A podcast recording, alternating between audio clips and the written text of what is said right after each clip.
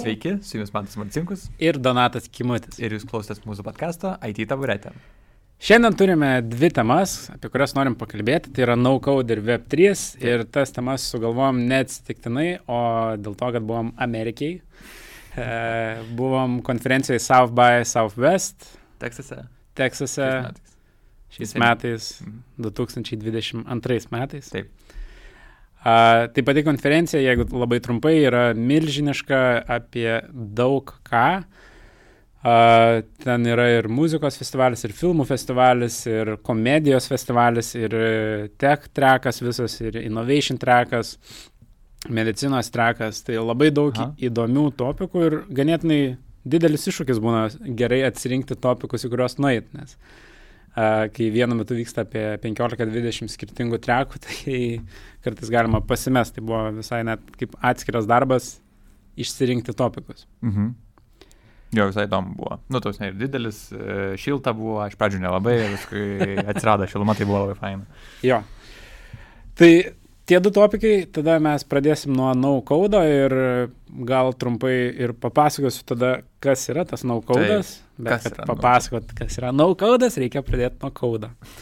Tai kas yra code'as? Tai code'as yra tas tradicinis programavimas, apie ką mes visi dauguma žinom.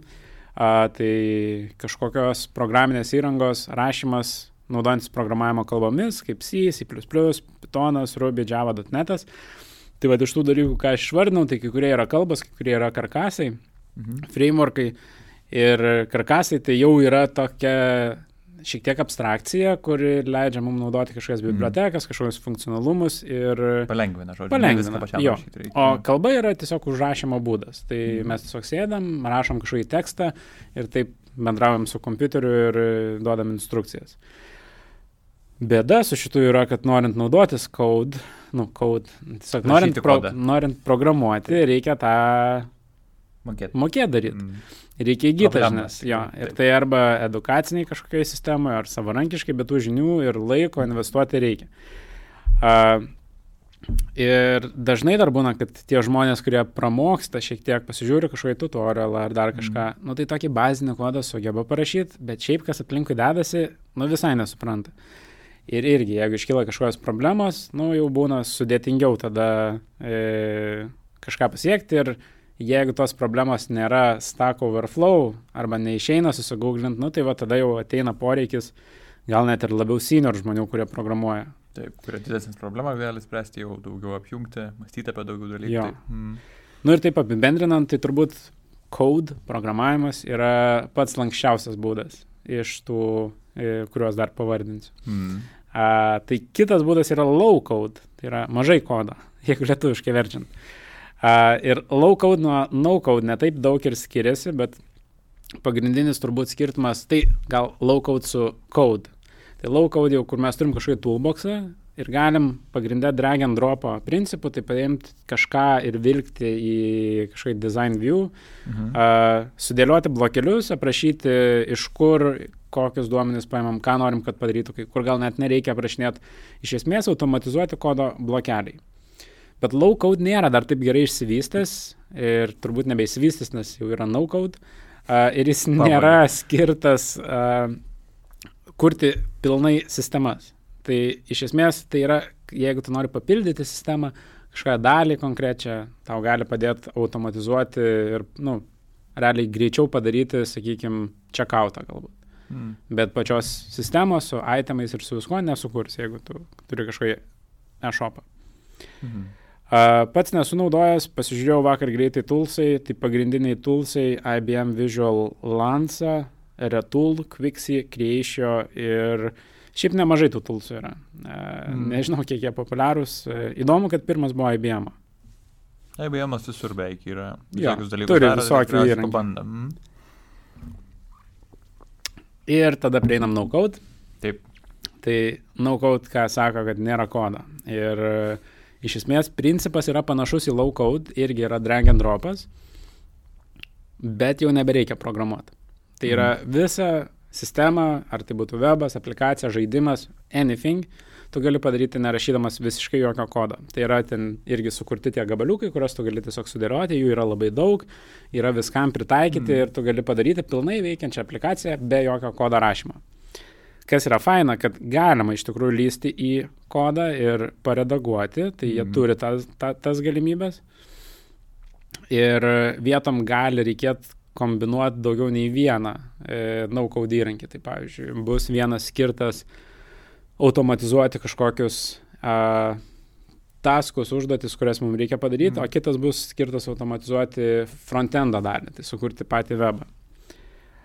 A, ką, kaip parsidavinėtas no-code'as? Nu, kodėl čia to reikia? Nu, ką tai, mes išgirdom ir konferencijai yra mums pardavinėjimas. Iš esmės, kad no-code'as demokratizuoja, kas gali kurti IT sistemas, nu, net nežinau, ar reiktų sakyti sistemas, bet aplikacijas iš esmės. Mm. Tai jeigu aš esu kažkoks drabužių dizaineris ir noriu sukurti savo ar e-shop, ar tiesiog savo puslapį idėjoms pasidalinti, tai aš pasiemu naukodo įrankį e, Webflow, pasiemu Augmented Reality, galbūt dar įrankį, kuris irgi yra no-code, mhm. susifotkinu, susidedu, yra 3D uh, e, viewsai, mhm. viskas atrodo super profesionaliai ir neparašiau ne vienos eilutės kodo. Aha.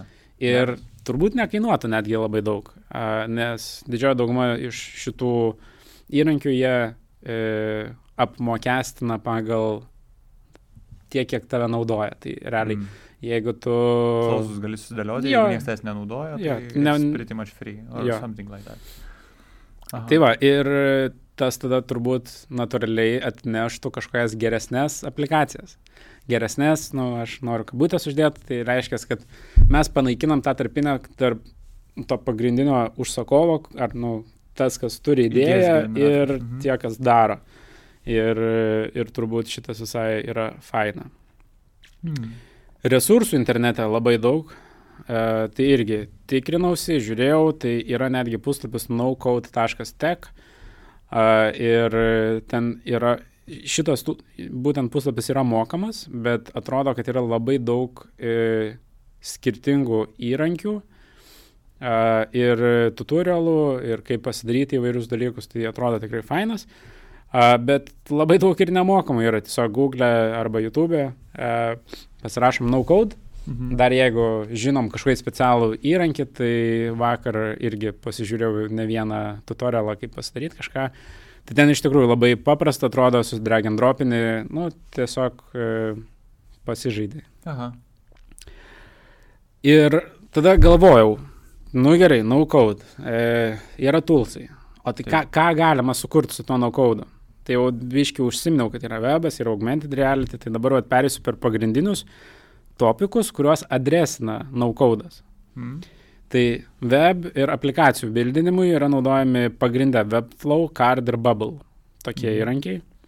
Tada puslapio interaktyvi navigacija. Nu, tai kur atsidarom puslapį, yra daug kur naviguoti, atsidaro kažkoks langas, kuris mums parodo ir ten su animacijom, kad, va, mhm. jeigu paspausi čia, atsidarys šitas, irgi yra no-code įrankiai, mm. kuriuos galima embedinti į savo sistemą. Uh, vienas iš pagrindinių - users guiding labai e, literalus pavadinimas. Mhm. Tada balso valdymo sistemos.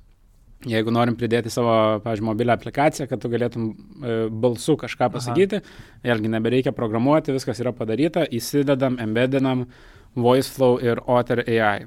Tada yra projektų valdymo. Tai, e, nu, projektų valdymo čia toks gal duomenų valdymo, kur tu gali apsibriežti kažkokius flausus uh, su duomenimis. Tai tu gali netgi ir duomenų bazės ten apsibriežti, yra vat, Airtable, yra Notion, tokie įrankiai, mm. tai dar pakalbėsiu. Uh, automatizavimo, Zapier Automate.io, uh, tai jie leidžia apsibriežti konkrečius procesus, kuriuos, nu, šiaip darytumėm rankom, arba reikėtų suprogramuoti, kad paimtų duomenys iš čia ir perkeltų čia, arba išsiųstų laišką. Tai čia galim tiesiog irgi drag and drop principu sudėti ir automatizu automatizuoti. Analitikos surinkimas ir analizų pateikimas. Tai realiai susidedam vietas, tiesiog susižymim, kurias norim, kad trekintų ir turim duomenys ir mums juos jau patikė dashboarduose, nu, žodžiu, viską mm. surinka. Obviously AI ir Mix Panel. Tada turim Customer Service, Zendeskas ir Intercomas, marketingą, HubSpotas ir MailChimpas. Tai visa plokštė, ką galima daryti, ir čia toksai mano, dar sakyčiau, ganėtinai siauras buvo patyrinėjimas. Aha. Uh, Tai visai faina. Tai dabar dar pereisiu per kelis pagrindinius e, no-code įrankius, kuriuos nu, didžioji daugumai postų ir radau, kai jau žiūrėjau, mhm. kokius reikėtų naudoti. Tai pats pagrindinis, kurį radau turbūt visur e, ir ganėtinai populiarus, tai yra Webflow. Webflow yra e, skirtas kurti aplikacijas ir webus, e, leidžia naudoti jau sukurtus template'us, Tai, pavyzdžiui, ir, nu, kas yra faina, jie sako, kad it's as easy as doing a PowerPoint. Tai tu tiesiog pasiemi, ne visada easy PowerPoint. Svajonių darbas. tai tu pasiemi, pavyzdžiui, template'ą ir kas yra faina, kad jis yra visas adjustable. Aha. Tu turi template'ą ir visi boksai, viskas, Elementai. tu viską, visus elementus gali keisti, netgi gali ir įleisti kodą, editinti. Uh, populiarus appsas, kuris buvo sukurtas naudojant Webflow, tai yra Lyft, uh, Uberio analogas, uh, naudojama Amerikoje, uh, tai jo, faina. Uh, pats įrankis, kiek žiūrėjau, panašus į Photoshopą, bent jau iš to editoriaus lango, uh, bet šiaip, kai dėlioji informaciją į tą savo langą, tai panašu, kad Wordą tiesiog kažkaip dėliotum labiau. Uh, tai va, ir jie, jeigu nueisite jų puslapį web, webflow.com slashas blog, e, turi labai daug e, įdomių articles, vakar porą peržiūrinėjau, tai turi labai išsamų postą su video, kaip startuoti e, su Webflow ir kaip mhm. susidėlioti mm. savo svetainę, į ką atkreipti dėmesį, kas yra ten header ir taip toliau, nu, tokius dalykus. Mm. Tai šitas fainas, apie šitą daug pasakojau, nes uh, daug kur ir radau. Apie kitus gal tiek daug nepasakosiu, bet keli pasirodė faini, tai paminėsiu. Tai yra buildbox uh, kurti žaidimam. Mhm. Full on 3D žaidimai, e, savo grafikas gali sudėlioti, e, susidedi actionus, susidedi, nu, realiai viską gali susidėlioti Ir žiūrėjau porą, tai iš tikrųjų atrodo, nu, neblogai. Aha. Nėra ten uh, Unreal Engine, bet, nu, neblogai. Tai toks, kur, nice. Nice, geras. Tada, vad, Scapic yra toolsas, kur prideda augmented, reality tavo puslapį, tai ten buvo konkrečiai shopams mhm. siūlomas, mhm. jeigu ten, pavyzdžiui, baldus pardavinėjai, kad galėtų žmonės mhm. atėję ten tiesiog, nu, visą jį pasižiūrinėti. Labai fainai atrodo. Hashnode, e, nemokamas, e, nemokamas, pasibrėžiau, nemokamas visiškai nėra plano jokio. Uh, įrankis, kur gali susikurti savo blog postus. Nu, realiai savo blogą gali pasidaryti. Taip pat kaip į mydimą įdėti. Nu, bet pasikustomizuoji ten kažką, nu, taip pat tiesiog pat... Tiesiog toks tas... puslapių kodų pasidarimas. Jo, jo, jo. jo. E, tada yra Gumroad. Uh, tai leidžia susitapinti landing page ir app, e, elektroninį prekių pardavimą ir duoda netgi ir checkout. Hmm. Mhm. Visai faina. Zapier, uh, Zapier, uh, tai turbūt irgi vienas iš dažniausiai minimų automatizuojant kažkokius taskus, hmm. tai visai faina. Ir mes girdėjom, bet būtent Zapier ir Webflow. Jo, pranešimą. Jo. Nu, yra aišku Shopify, uh, kurio nu, negali palikti, nes turbūt vienas iš populiariausių uh, shopų kūrimo toolsų. Sudėtingiausias dalykas Shopify yra tiesiog ID nukopijuoti ten, kur reikia ir surasti teisingą ID. Viskas daugiau nieko, viskas kitas susijungia automatiškai. Tai... Jo. Tai va, ir paskutinis tai yra Airtable. Tai Airtable jau alegorija į table, į duombazės, tai leidžia grafiškai tiesiog taip, kaip dėliotumai kažkokį Excel šitą, susidėlio mhm. duombazę. Tai Excelis duombazė. Na, nu, iš esmės jo. Tai. tai va, ir tiek iš tikrųjų apie patį tą naukaudą, uždarant šitą topiką, tai dar noriu, uh, turbūt kyla natūraliai klausimas, ar no-code pakeis code nu, ir ar bus ateitis. Tai mano pagrindiniai tokie dalykai, kad pilnai tai tikrai ne, e, bet šiaip tai tokių aplikacijų bus daugiau ir daugiau kuriamų. Mm. Nes, nu, tiesiog lengva tą daryti ir daugiau žmonių prieinama. Uh, tai no-code judėjimas turėtų šaukti, gal net gera vieta investuoti no-code. Jeigu reiktų spėti, tai mano spėjimas būtų, kad 2030 metais bent jau šiam procentų naujų, naujai kuriamų aplikacijų webų bus kuriami su no-code įrankiais, bet tos aplikacijos, kurios taps sėkmingom ir auks, e, dalinai perės prie code atgal. Mm.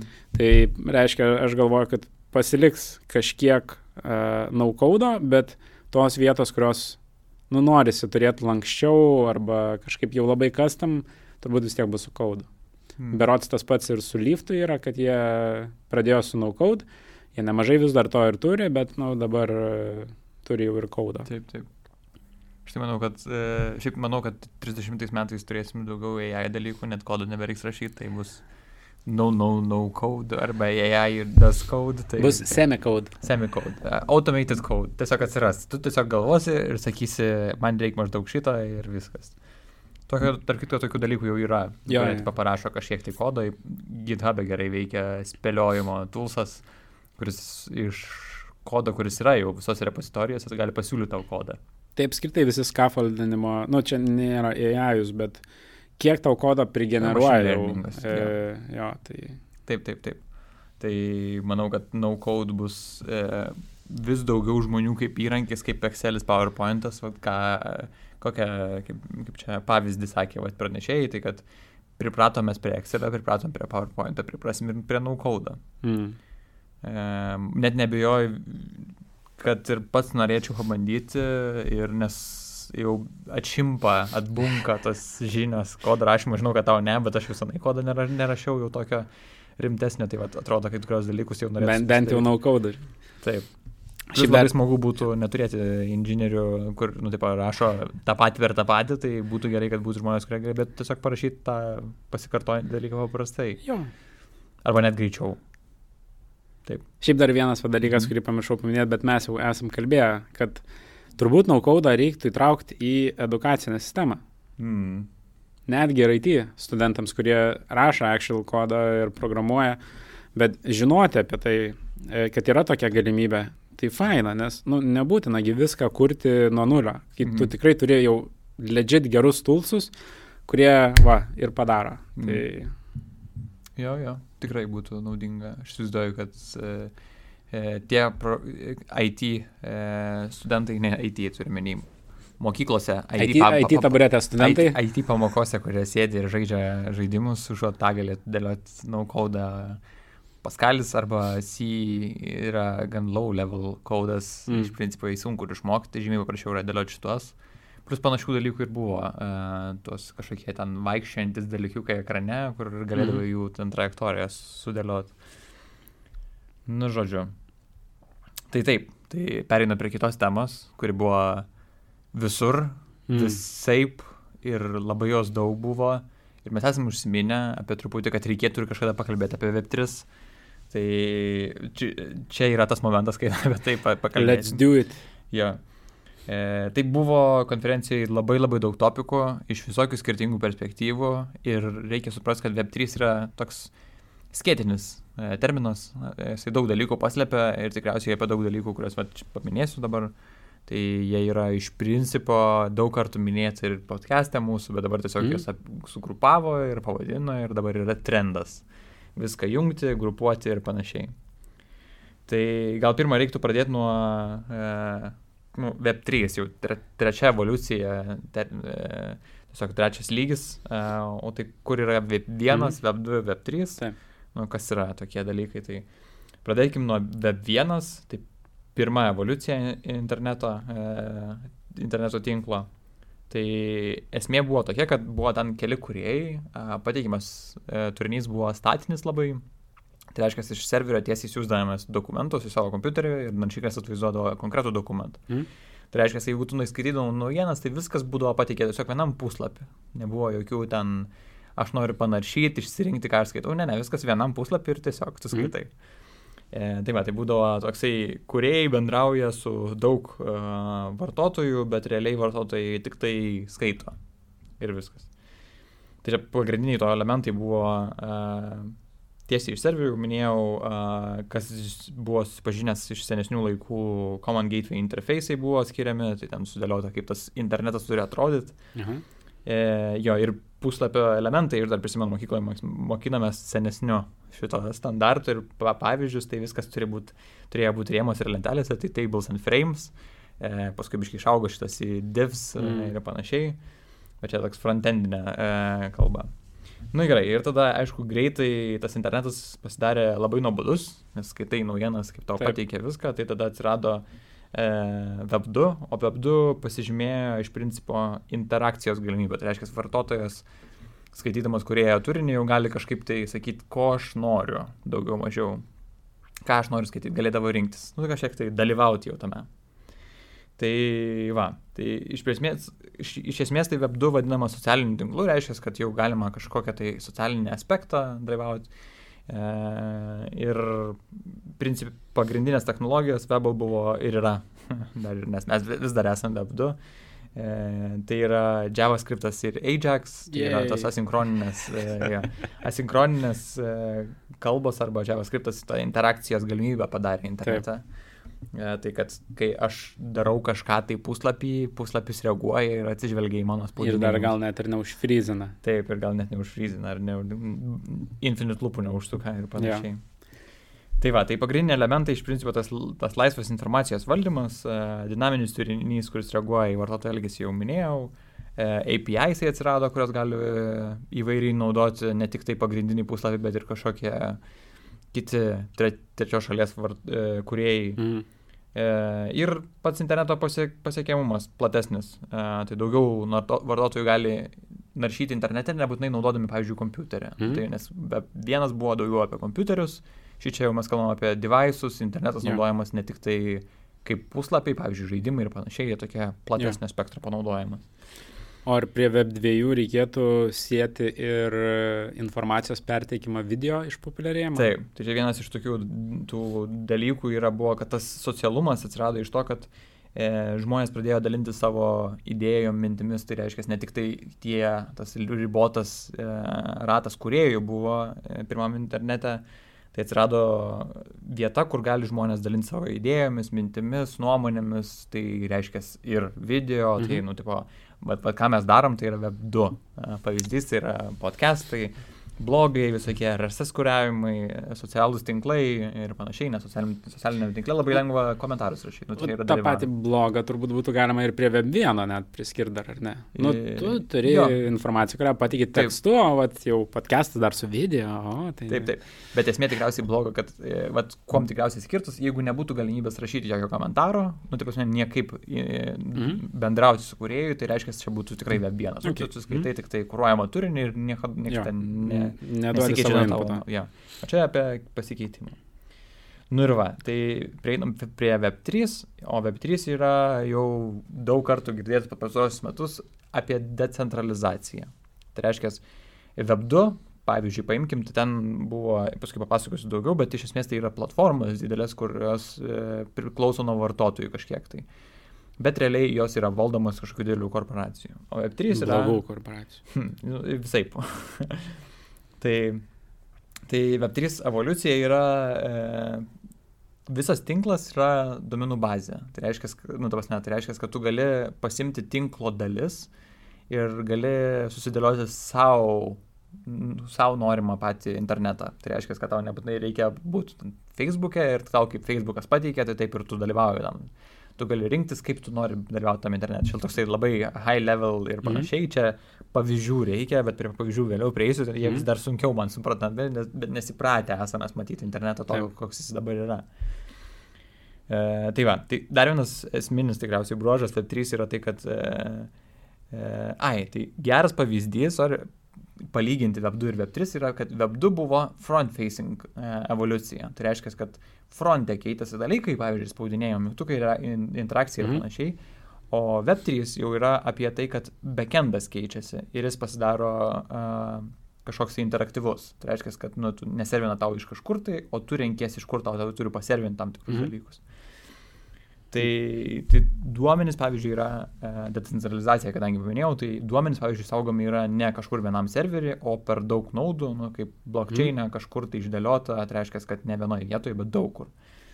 Taip, tu, pavyzdžiui, gali susirinkti savo nu, e, kažkokią informaciją iš kelių visiškai skirtingų šaltinių ir tu valdai savo internetą pritimač. Taip, tai pagrindiniai elementai čia jau įdomiau, aišku, e, semantinis tinklas, tai reiškia, kad paieška Web3 atliekama nebe pagal e, raktažodžius, kaip Google veikia, o pagal prasme, tai reiškia, tu įprasmini savo paiešką ir tau tinkle yra surandama informacija iš tų skirtingų backendo serverių ir ten apjungiama su AI ir panašiai. Mhm. Very interesting. Very. Very AI-like. Jo, fan, fantastika. Suprask mane. Fantastika, taip. E, tai vad, dirbtinis intelektas irgi yra vienas iš pagrindinių elementų, tai reiškia, kad mes natūralią kalbą naudodami ir pasinaudodami dirbtiniu intelektu galėsim perduoti informaciją, greičiau gauti rezultatus ir mums daug aktualesnius. Tai reiškia, mm -hmm. aš su savo kalba galiu, nu, tipo, pasakyti, ko aš noriu ir man atiduoda jau prasmingą informaciją ir rezultatus, mm -hmm. kur Google, pavyzdžiui, galima surasti rezultatą trečiam puslapiui. Nu, tiesiog palyginimas. Tai 3D grafikos, pasak, pasakoju truputį apie uh, uh, augmented reality, nu, uh, praplėstą realybę. Ir uh, kad galima būtų naudoti uh, tam tikras trimatės grafikas, nu, tuos ne savo įrenginius, kad tu galėtum patirti daugiau, pavyzdžiui, muziejuose, tau praplečia su augmented reality, e, komercijoje, irgi pasakojau pavyzdžius, ką su naukaus galima daryti, ir tos pačios meta visatos, kur tu gyveni kažkur Jei. tai kitur. Jei. Metavers. Metavers, jo. Nepopuliarinam tikrai. e, o tai tu minėjai dabar apie vat, visą tą semantinį tinklą, paiešką pagal prasme, o ne, ne, ne pagal frazes, tai kaip šitą mhm. reikia suprasti? Kad Google mes ieškosim šitaip informacijos, ar, ar čia bus kažkoks naujas semantik Google? E, tikriausiai pagal tai, kaip apibrėžiamas yra pats decentralizuotas internetas, tai reiškia, kad tu realiai kažkas duos tau uh, prieimą prie tokios paieškos, nu, tu galėsi pasinaudoti, nes jinai visur tinkle bus, tu tik tai mm -hmm. pasakysi, kad aš noriu tokios paieškos, aš neįsivaizduoju, kaip tai implementuoti mm -hmm. turėtų būti, bet esmė, kad turėtų būti paremta šituo. Mm -hmm. Tai čia implementacijos klausimas, neieškau, ar yra jau implementacijos semantinio tinklo paieškos, ja. bet turėtų būti kažkas tokio. Na, nu, aš įsivaizduoju, kad kol kas gal tik moksliniuose kokiuose tyrimuose. Nu, arba spekulacijose. Nu, ja. Tiesiog žmonės ja, sako, ja, nu, fa fantastai kokie nors galvoja, kaip čia geriau padaryti. Tai va, Tai gal reikia pasižiūrėti šiaip į Web3 į tokią, kaip čia, plaunamas terminas yra. Jisai dabar naudojamas daug kur, visur, kur, vėlgi sakiau, skėtinis terminas iš principo. Mhm. E, bet ta, ta, ta decentralizacija yra, e, kodėl jinai bandoma pasiekti jos. Nes žmonėm, kurie pamatė, ką daro didžiausi milžinai, e, YouTube'as, Netflix'as, Facebook'as ir panašiai, jie Amazon. yra tie, kurie jo. Amazon jie, yra didelis. Didelis, jo. Di, Didžiausias didelis bet esmė jų yra, jie valdo tavo informaciją, valdo apie informaciją apie tave ir jie už to užsidirba. Tai. Žmonės liko ką nepatenkinti, sako, žiūrėkit, mums negali tai būti. Aš esu aš ir aš laikau savo informaciją. Jeigu aš noriu dalyvauti tame, tai aš galiu pasakyti, kokią informaciją aš noriu mm. dalintis ir uždirbti iš to pinigų. Ja. Kažkaip tai, kažkokią tai formą. Nu tai va, tai tada buvo ir sugalvota, kad reikia čia pradėti Web3 daryti ir decentralizuoti visą šitą dalyką. E, tai va, tai dar vienas paskatinantis elementas galbūt buvo svarbus tai, kad Facebookas, pavyzdžiui, nu, ten buvo, mes daug kalbėjome apie Facebooką, apie kaip neatsakingai elgėsi su duomenim, tai va, 19 metais buvo va, e, setlino e, šitą padavimą į teismą mhm. už, ir gavo baudą 5 milijardus dolerių. Nu, ta prasme. Tai jiems buvo verta sumokėti tokią baudą, kad vis dar toliau naudotis duomenimis, kaip jiems patogu yra. Ach, tas markas. tai va, tai dabar kas e, žmonės, ka, kas yra va, tam web trijose, tai yra bendrasavininkai. Tai reiškia, aš, aš esu dalis šito viso interneto. Tai reiškia, aš turiu savęs savo dalį ir aš mhm. dalyvauju internete kažkaip tai ir mes galim keistis informaciją, mums gali kažkas pasiūlyti kažkokią paslaugą, bet mes to prašom. Mes sakom, žiūrėk, va čia mano duomenys, pasiūlyk man ką nors už tai ir panašiai. Tai toksai ownershipo jausmas. Ir apsibrėžia iš principo dažnai vat, rašoma, kad Web3 yra ownershipo internetas, kur aš jau esu Aha. savininkas to. Tai va, tai vienas įdomus dalykas, kur mes, vat, sakiau, kad daug nu, naudojam terminų, kurie pasislepia po to, tai e, Web3 labai daug naudojama yra kriptovaliutos, tokenai, blockchainai ir panašiai. Dėl to, kad, o kaip nusakyti tą e, nusavybę. Tai tu gali nusakyti nusavybę tik tai e, kriptovaliutomis arba tokenais, nu, kurie yra Aha, praktiškai... Nu, kažkokia. Jo, nusavybės kažkoks do, do, do, yeah. dokumentas arba gali pasakyti kažką. Tai ir kadangi reikia blokčeino, nu, kad dalyvauti tam visam internete, tu turi būti pasakyti, kad čia vat, aš dalyvauju, ši čia yra mano, mhm. Mm ši čia yra mano. Tai, tai va. Tai e, esmė yra tikriausiai to, kad paskui, kai tu turi kažkokią, jeigu tarkim, kompaniją, kuri yra decentralizuota, Web3 ir panašiai, ir e, yra daug savininkų to tinklo, tai jie gali kartu spręsti kaip mes norim naudoti šitą mūsų paslaugą, kurią mes teikiam. Mm. Tai yra visi savininkai ir panašiai. Čia įdomus dalykas. Jeigu mes esame draudimo kompanija ir esame decentralizuota, mes galime nuspręsti, kokias paslaugas teikti, aš galiu būti prieš, nu, ir panašiai. Toks demokratiškas atrodo prieimas prie interneto, kai tu tarpu dabar, pavyzdžiui, Facebookas nusprendžia, kaip tau atrodys internetas. Mm. Nu, jis tiesiog, jei bitas tai jungia ir išjungia, nu, tipo, gali būti visai. Tai va, tai Taip, bet dabar įdomus pavyzdžiai tikriausiai yra, kad e, beveik viskas, kas internete, šiaip gali būti tokenizuota. Nu, tai viską gali apibriežti. Mhm. Memai, e, menas, asmeninis socialinio tinklo kažkoks pasireiškimai tavo, e, nuorodos į konferencijas ir panašiai, viską gali tokenizuoti, nes viskas yra digital ir tu gali viską paslėpti blockchain'e su, su kažkokiu tokenu. Tai esmė yra tikriausiai tokia, kad E, dabar atsirado labai daug va šitų panaudojimo.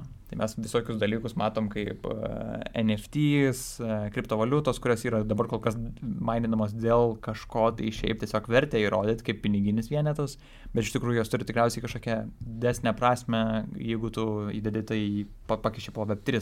Aha. Web3. Tai keletą pavyzdžių pateiksiu, tai tikriausiai e, žaidimų industrija yra geras pavyzdys. Tai pavyzdžiui, dabar didelės kompanijos, arba nu, tokios kaip EA, Blizzard ir panašiai, tai jos sprendžia, ką tu nori žaisti iš principo. Jeigu kažkas sugenda, tai jos kaltas, bet jos nusprendė sugadinti ir panašiai. Aha. Arba kažkokia kryptim nueina, kur, pavyzdžiui, seni žaidėjai, kurie ilgai labai žaidė, pavyzdžiui, World of Warcraft, yra žaidėjai, kurie žaidė dešimt daugiau metų, jie kaip ir auna tą turinį, nu, tipo, jie... Linkėjimai Juliau. Jie invest, investavo labai daug laiko, bet jie iš tikrųjų neauna, nes serveris gali, nu, tiksliau, įmonė gali pasakyti, sorry, ištrinant tavo akantą. Mm. Viskas. Tai čia toks liūdnesnis dalykas, bet pavyzdžiui, tas Web3 ir e, kriptovaliutos ir blokčiainai gali padaryti turinį, kur nu, tu uždirbi kažką tai žaidime, tai realiai jis tau priklauso. Mhm. Tai jeigu, pavyzdžiui, yra crowdsourcinamas, pavyzdžiui, žaidimas iš tų par tų pačių blokčiainų arba panašiai, e, krip, išleidus kriptovaliutą kažkokią, arba tokenus, tai realiai tai tu gali būti sprendėjas Nu, tipo, mm. Jeigu mūsų 10 investavo į žaidimą, tai mes ir 10 išspręsim, kur žaidimas eina. Mm. Nu, e, programuotojas, kuris tam blokčiainą sukūrė, tai jis gauna pinigų, aišku, iš to kažkiek, tai kad galėtų dirbti, yeah. bet visi kiti aunina, žinai, vertė auga, kiti investuoja ir mm. panašiai. Tai va, čia vienas yra. Menininkai daro šitą, tai va, mes nemažai diskutavome pačioje konferencijoje, yra kodėl menininkai turi NFT'sus ir kodėl ten išleidinėja.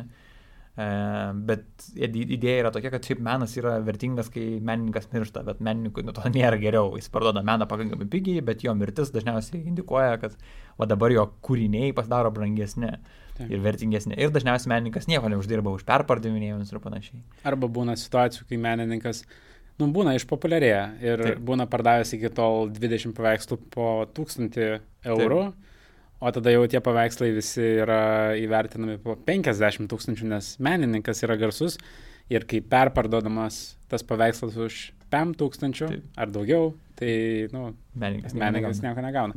Šiaip, legit, nu, tipo, pardavėjai už tiek taip. tuo metu taip mm. jau vyksta, bet tuo pačiu tu autorinės teisės pardavėjai, tai vad ką tas NFT ir duoda tau. Taip. Tai, tai, va, tai NFT yra iš principo galima pasinaudoti dviejais būdais. Vienas yra aš parduodu ir tu gauni mano mm. digital sukurtą kūrinį, jis yra originalas, tu gali pasakyti, kad čia mano, nesvarbu, kad visi gali nusikopinti, nesvarbu čia tas yra, bet esmė, kad tavo yra... Čia jau, ja. mm. jo, bet du, du yra tipai, kaip gali pardavinėti. Vienas yra, aš parduodu tiesiog ir tu turi nusavybę, taip pat kaip ir dabar pardavinėja mm. fizinius. Uh, meno kūrinius, bet galima padaryti ir tai, kad jeigu bus perduotas, tai pats e, blokčiaino valdytojas gali aprūvinti arba neleisti transakcijų, nu tos ne, praleisti ar netinklę transakciją ir dar pasimti kažkokį procentą nuo, nuo perleidimo. Mm -hmm. tai, tada menininkas dalyvauja, ta prasme, realiai dalyvauja savo e, meno gyvenime ja. ir uždirba iš to pinigų. Tai va šitoje vietoje man yra absoliutus uh, vertės kūrimas iš nieko uh, atsiradimas, dėl to, kad, nu, su menu aš suprantu, bet tu gali paimti bet ką. Taip. Tu gali paimti gifą. Taip. Kuris yra gifas. Bet kur. Ir sakyti, kad, da, žiūrėkit, čia mano NFT dabar. O pirkit. Nu, nes, tipo, jis vertas yra daug, žinokit. Nu, nebūtinai daug, bet bet kokių gifų. Tai va dabar turbūt apie sportininkus kalbėsi, Taip. kur jie turi krūvas trumpų video, epizodų ir viso kito. Ir tai dabar tampa vertė. Nes, nu, tipo, vertinga. Taip. Taip, taip. Tai, va, Nusavybė. tai čia ir įdomus yra tas dalykas, kad e, ir, ir kalbėjo apie tai iš principo e, kai kurie pranešėjai e, konferencijoje apie tai, kad NFTs yra pabandymas. Taip. Nereikia investuoti per daug į juos nei laiko, nei pinigų, dėl to, kad tai yra bandoma pasižiūrėti, kur ta vertė prilips ir kur iš tikrųjų jinai, jinai egzistuos. Mm. Tai tokie pavyzdžiai menininkams kai kuriems iš tikrųjų naudinga, ypatingai tie, kurie internetinį meną kūrė, tai gal ir yra logikos kažkiek tai pardavinė savo turinį ir sakyti, kad, nu, va, čia, čia yra mano originalus kūrinys, aš va, va šitą konkretų tavo atidaviau ir pardaviau ir čia tavo yra. Taip. Bet jeigu aš esu blogas žmogus ir aš tiesiog nusiprintskryninau tavo NFT, tai turbūt turės būti kažkas, kas suvaldo šitą, nes, nu, kitu atveju tai tas neveiks. Ne, tai reiškia, kad, nu, vienas dalykas, tai tu sukuri savo tinklą. Tu sakai, kad šitam tinklė mano tik kūriniai yra. Tai visai nėra, orgi... or, jeigu tu kažkur nukopini, tai jis nebus originalas tiesiog. Čia toksai, žinai, valdomas per tą tinklo autorystę. Mm. Tai jeigu menininkas turi savo tinklą ir viskas. Saugu. Bet, nu, tipo, tavo pa- pavyzdys apie sportininkus yra labai geras iš tikrųjų.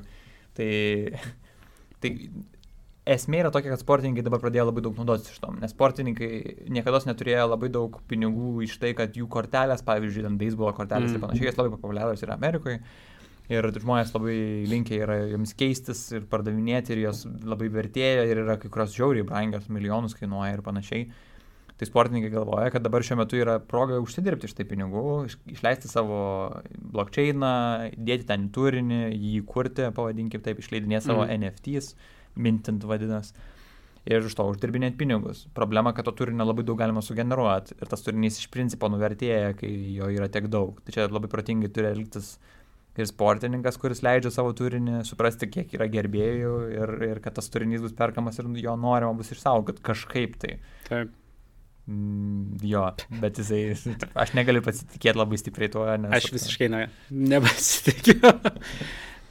Tai va, tai kelis dalykus, ką būtina pasižiūrėti, tikriausiai yra tai, kad uh, Meta, ne veltui pasivadino, uh, tiksliau Facebookas pasivadino Meta, gal, nu, pilna, jos korporacijos pavadinimas Meta. Markas Meta. Mes kalbėjome apie, jo, apie metaverse, tai yra Web3, iš principo tai yra decentralizuotas, blockchainų paremtas e, Second Life'as ar kažkas panašaus. Tai yra galbūt tai žaidimai, galbūt kažkoks antras gyvenimas, kur tu galėtum kurti savo, e, nu realiai internetinę savo kažkokią es, e, asmenybę. Mm. Yra daug diskusijų apie tai, kad ar tu toks pat būsi internete, kaip nu, mes dabar, pavyzdžiui, realybė esame vienokie ir visą laiką tok, tokie. Turim savo veidus ir panašiai, bet čia nesvarbu. O internetu tu gali bet kokį, bet kada susikurti. Čia įdomus dalykai. Bet šiaip verta pasižiūrėti tikriausiai, ką Meta ir Ubisoftas turi, abu du išsileidę kažkokią tai dalį savo e, Meta visatų, tai ten pasi, pasibandyti, patyrinėti, visai įdomu. Ar ten kažkur nuves, Meta labai stipriai tiki tuo, kad ten atsiras labai daug darbų, kad galima bus daug kurti, dalyvauti tam gyvenime. Ir tai turėtų tiesiog būti nepakeičiant gyvenimo, mūsų realaus, Mhm. bet daugiau papildant jį kažkokią tai formą. Nežinau, kaip tai atrodys, bet Aha. Dar nėra ir nemanau, kad dar yra aiški vizija, kaip tai turi atrodyti. Tai yra tiesiog pirmi žingsniai, gal taip pavadinkim. Tai va, tai dar paskutinis dalykas, kas iš tikrųjų labai stipriai veikia, tai yra decentralizuota finansų sistema, e, vadinasi DeFi. Tai apie ją įdomu yra tai, kad šiuo metu mes, nu, nu, kadangi aš dirbu paymentus ir tu dirbi paymentus, tai čia įdomus dalykai, e, tuom, kad e, žinant visas, e, kaip, kai tu perki kortelę, pavyzdžiui, kiek yra tarpininkų, kurie pinigų kažkiek tai gauna, Mhm. visi bankai ir panašiai, kortelių schemos, kaip Visa, Mastercard, pakeliui einantis dalykai, iš principo jie susirenka savo dalį. Taip. Tai DeFi kalba apie tai, kad transakcijos tarp dviejų vartotojų tinkle, kurie turi pinigų savo voletose, turėtų vykti iki sekundžių nu, ta prasme, reikalų, jos turėtų būti visiškai saugios, nes nu, tu savo a, piniginę valdai tik tu ir tu gali bet, padaryti tą iš bet kur, bet nu, tu atpažįstamas mhm. kažkaip tai, tai reiškia, frodo nėra. Ir kad nėra jokių tarpininkų. Tai reiškia, kad jūs keičiasi pinigai be tarpininkų ir niekada pinigų pakeliu neišleidžiat. Mhm. Tai, tai va, tai tas gerai yra verslams, e, nes verslai praranda pinigus, jeigu kažką pardavinėja, pavyzdžiui, nu mes, nu, tai prasme, jeigu turime parduotuvę elektroninę ir šiaip jinai dengia e, visas kaštus už mokėjimus, o ne vartotojas. Nu, pasislėpia po vartotojo iš principo pinigais, bet Mm. nesvarbu. Sunku įsivaizduoti kol kas, Jo, kaip tai atrodys. tai va tikriausiai blockchainas e, kažkokia tai, nu, tarkim, Ethereum yra jau geras pavyzdys, nes nu, tu dalyvauji e, valiutų rinkoje kažkokie, Mm. kur tu gali keistis tarpusavyje, e, bet problema su to ten yra baigtumas tos rinkos, e, saugumas yra klausimas, e, kaip, kas užtikrina patikimumą Mm. transakcijų ir panašiai. Yra gan daug klausimų apie tai, kurie sukasi. Etinių, visokių, moralinių ir panašiai. Bet šiaip, nu, vat, gali nusipirkti Tesla su bitkoinais. Va. Ir pizzą tikriausiai galėtum nusipirkti. Gerai. Ir paskui... Dvi pizzas. Kažkada.